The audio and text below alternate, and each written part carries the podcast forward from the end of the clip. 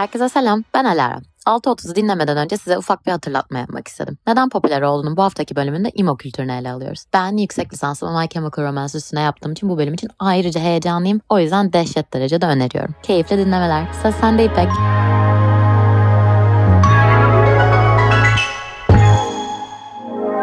2 Kasım çarşamba sabahından herkese günaydın. Mikrofonda her çarşamba olduğu gibi ben İpek. Sevgili dinleyenler Kasım ayına girdik ve içimden bir ses Kasım ayının çok hareketli ve oldukça sürprizlerle dolu olacağını söylüyor. Sizi bilemem ama ben Kasım aylarını her zaman sevmişimdir. Yeni ay hepimize uğurlu gelsin dileğiyle günün haberlerine geçiyorum. Bugünün bülteni Zingat'la birlikte ulaşıyor. Türkiye'de güvenilir bir gayrimenkul bilgi ve pazarlama platformu olarak hizmet veren Zingat.com, Zingat Bana Ev Bul hizmetiyle kişiye özel gayrimenkul deneyimi sunuyor. Ayrıntılar bültende. Piyasalar ve ekonomi İstanbul Ticaret Odası'nın İTO'nun Ekim ayına ilişkin yayımladığı perakende ve toplam fiyat endekslerine göre İstanbul'da enflasyon 27 yılın zirvesine çıktı. Bakan Nebati, TOG'un ulaşılabilir olması için kamu bakanlarının çalışma yaptığını ifade ederek, Ziraat Bankası, Halkbank, Vakıfbank'la katılım bankalarımız bu konuda gerekli teşvikleri verecek. Gerekirse kazanmamak üzere çok daha düşük maliyetlerle ve kar da etmeyecek şekilde gerekli desteği verecekler, dedi. İstanbul Sanayi Odası'nın paylaştığı verilere göre Türkiye İmalat PMI yani satın alma yöneticileri endeksi Ekim ayında 46,4'e gerileyerek üst üste 8. ayda da daralmayı işaret eden eşik değer 50'nin altında kaldı ve pandemiden bu yana en düşük seviyeye geriledi. ABD Başkanı Joe Biden, petrol ve doğal gaz şirketlerinin savaş döneminde artan petrol fiyatları nedeniyle elde ettikleri karın adil olmadığını ifade ederek sektörün fiyatları düşürmemesi durumunda şirketleri aşırı karları için daha yüksek vergiler ödeyecekleri ve daha farklı kısıtlamalarla karşı karşıya kalacakları konusunda uyardı. Avrupa Merkez Bankası Başkanı Christine Lagarde, Avro bölgesinde enflasyonun hala çok yüksek seyrettiğini ifade ederek enflasyonun orta vadede %2'lik hedefe dönmesini sağlayacak şekilde faiz artış döngüsüne devam edileceğini belirtti. Lagarde, istikametimiz belli ve henüz o noktaya ulaşmış değiliz, dedi. İş Dünyası Türkiye İhracatçılar Meclisi Başkanı Mustafa Gültepe ve sektör temsilcileri tekstil ve hazır giyim ihracatındaki sorunları konuşmak için Inditex'le bir araya geldi. Görüşmede 3 veya 6 ayda bir toplanacak ortak komisyon kurulması kararlaştırıldı. Almanya Sanayi ve Ticaret Odası'nın 24 bin şirketin katıldığı anketine göre şirketlerin %14'ü artan enerji fiyatları nedeniyle üretimi kısıyor. Üstelik her 12 şirketten biri, otomotiv şirketlerinin ise %17'si artan maliyetler nedeniyle üretimi kaydırmayı planlıyor. S&P Global Mobility'nin raporuna göre jeopolitik çalkantılar, ticari zorluklar ve ham maddelerdeki fiyat artışı gibi faktörler batarya üretimini ve tedarikçilerin kar marjlarını etkiliyor. Johnson Johnson, ABD merkezli kalp destek cihazı üreticisi Abiomed'i 16,6 milyar dolara satın alacağını açıkladı. Abiomed'in hisseleri haberin ardından %50 arttı. Lufthansa, yaklaşık 19 bin kişilik kabin personelinin aylık maaşlarının Ocak 2023'ten itibaren 250 avro, Temmuz 2023'ten itibaren de %2,5 artırılacağını açıkladı. Politika CHP lideri Kılıçdaroğlu'nun geçtiğimiz gün sosyal medya hesabından yayımladığı videoda hükümete yönelik kara para ve uyuşturucu iddialarına İçişleri Bakanı Süleyman Soylu hakkında suç duyurusunda bulunuyoruz. Tazminat davası açıyoruz. Hem şahsımız hem de kurullarımız. Eğer bu attığın iftiranın bir kuruşunu ispat etmezsen namertsin diyoruz cevabını verdi.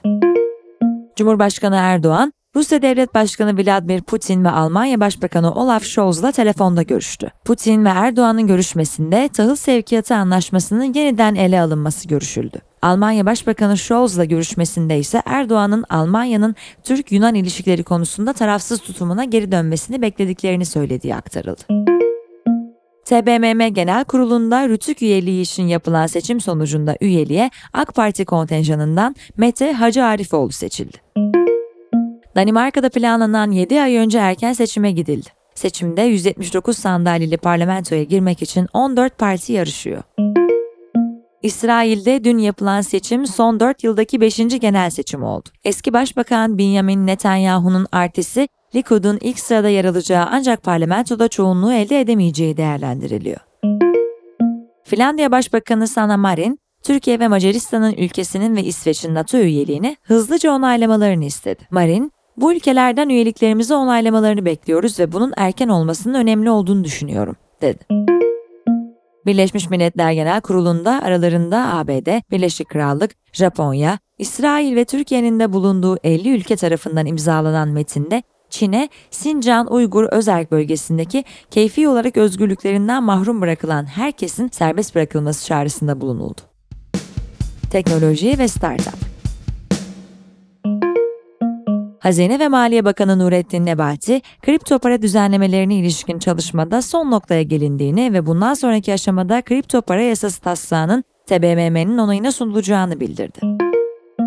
Twitter'ın emniyet ve güvenlik şefi Yoel Roth, Elon Musk'ın platformu satın almasıyla platformdaki kuralların yumuşatıldığı izlenimi vermek için kasıtlı olarak başlatıldığını söylediği organize trolleme kampanyası sonucunda 1500'den fazla hesabın kapatıldığını bildirdi.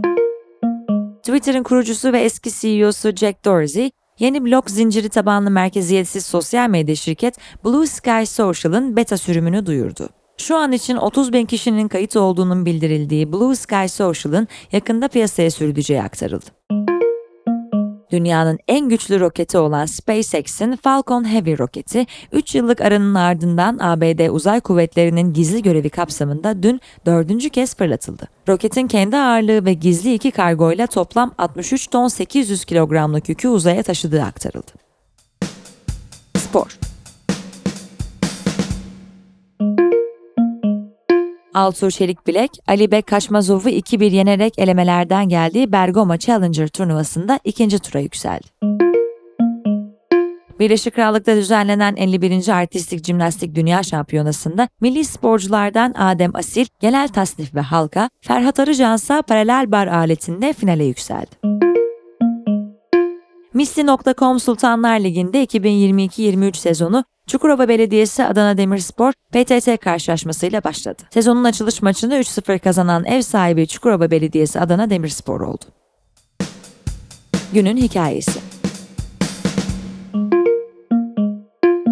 Rusya'dan 2023 seçimlerine dolaylı müdahale Erdoğan-Putin ittifak. Sevgili Abdullah Esin sizler için kaleme aldı. 15 Temmuz darbe girişiminin ardından yaşanan yakınlaşma süreciyle yeni bir evreye giren Türkiye-Rusya ilişkileri, kurumsal ilişkilerin geri plana atılarak büyük oranda Rusya Devlet Başkanı Putin ve Cumhurbaşkanı Erdoğan arasındaki yakın kişisel ilişki üzerinden yürütülüyor. Rusya'nın Ukrayna işgalinin ardından başta ABD ve Birleşik Krallık olmak üzere neredeyse tüm Batı ülkeleri bir ittifak halinde Rusya'yı yaptırıma boğarken Türkiye'nin stratejisi bir yandan Ukrayna'ya TB2 insansız hava aracı satmak, diğer yandan da Rusya ile ekonomik ve siyasi ilişkilerini daha da derinleştirmek oldu. Birçok uzman tarafından denge siyaseti olarak tanımlanan bu politika, Türkiye için pragmatist ve faydalı görünmesine rağmen Rusya ile ilişkilerin Türkiye'nin iç siyasetine doğrudan müdahil olduğu yeni bir dönemi başlattı. Bu ilgi çekici yazının devamı bültende sizleri bekliyor.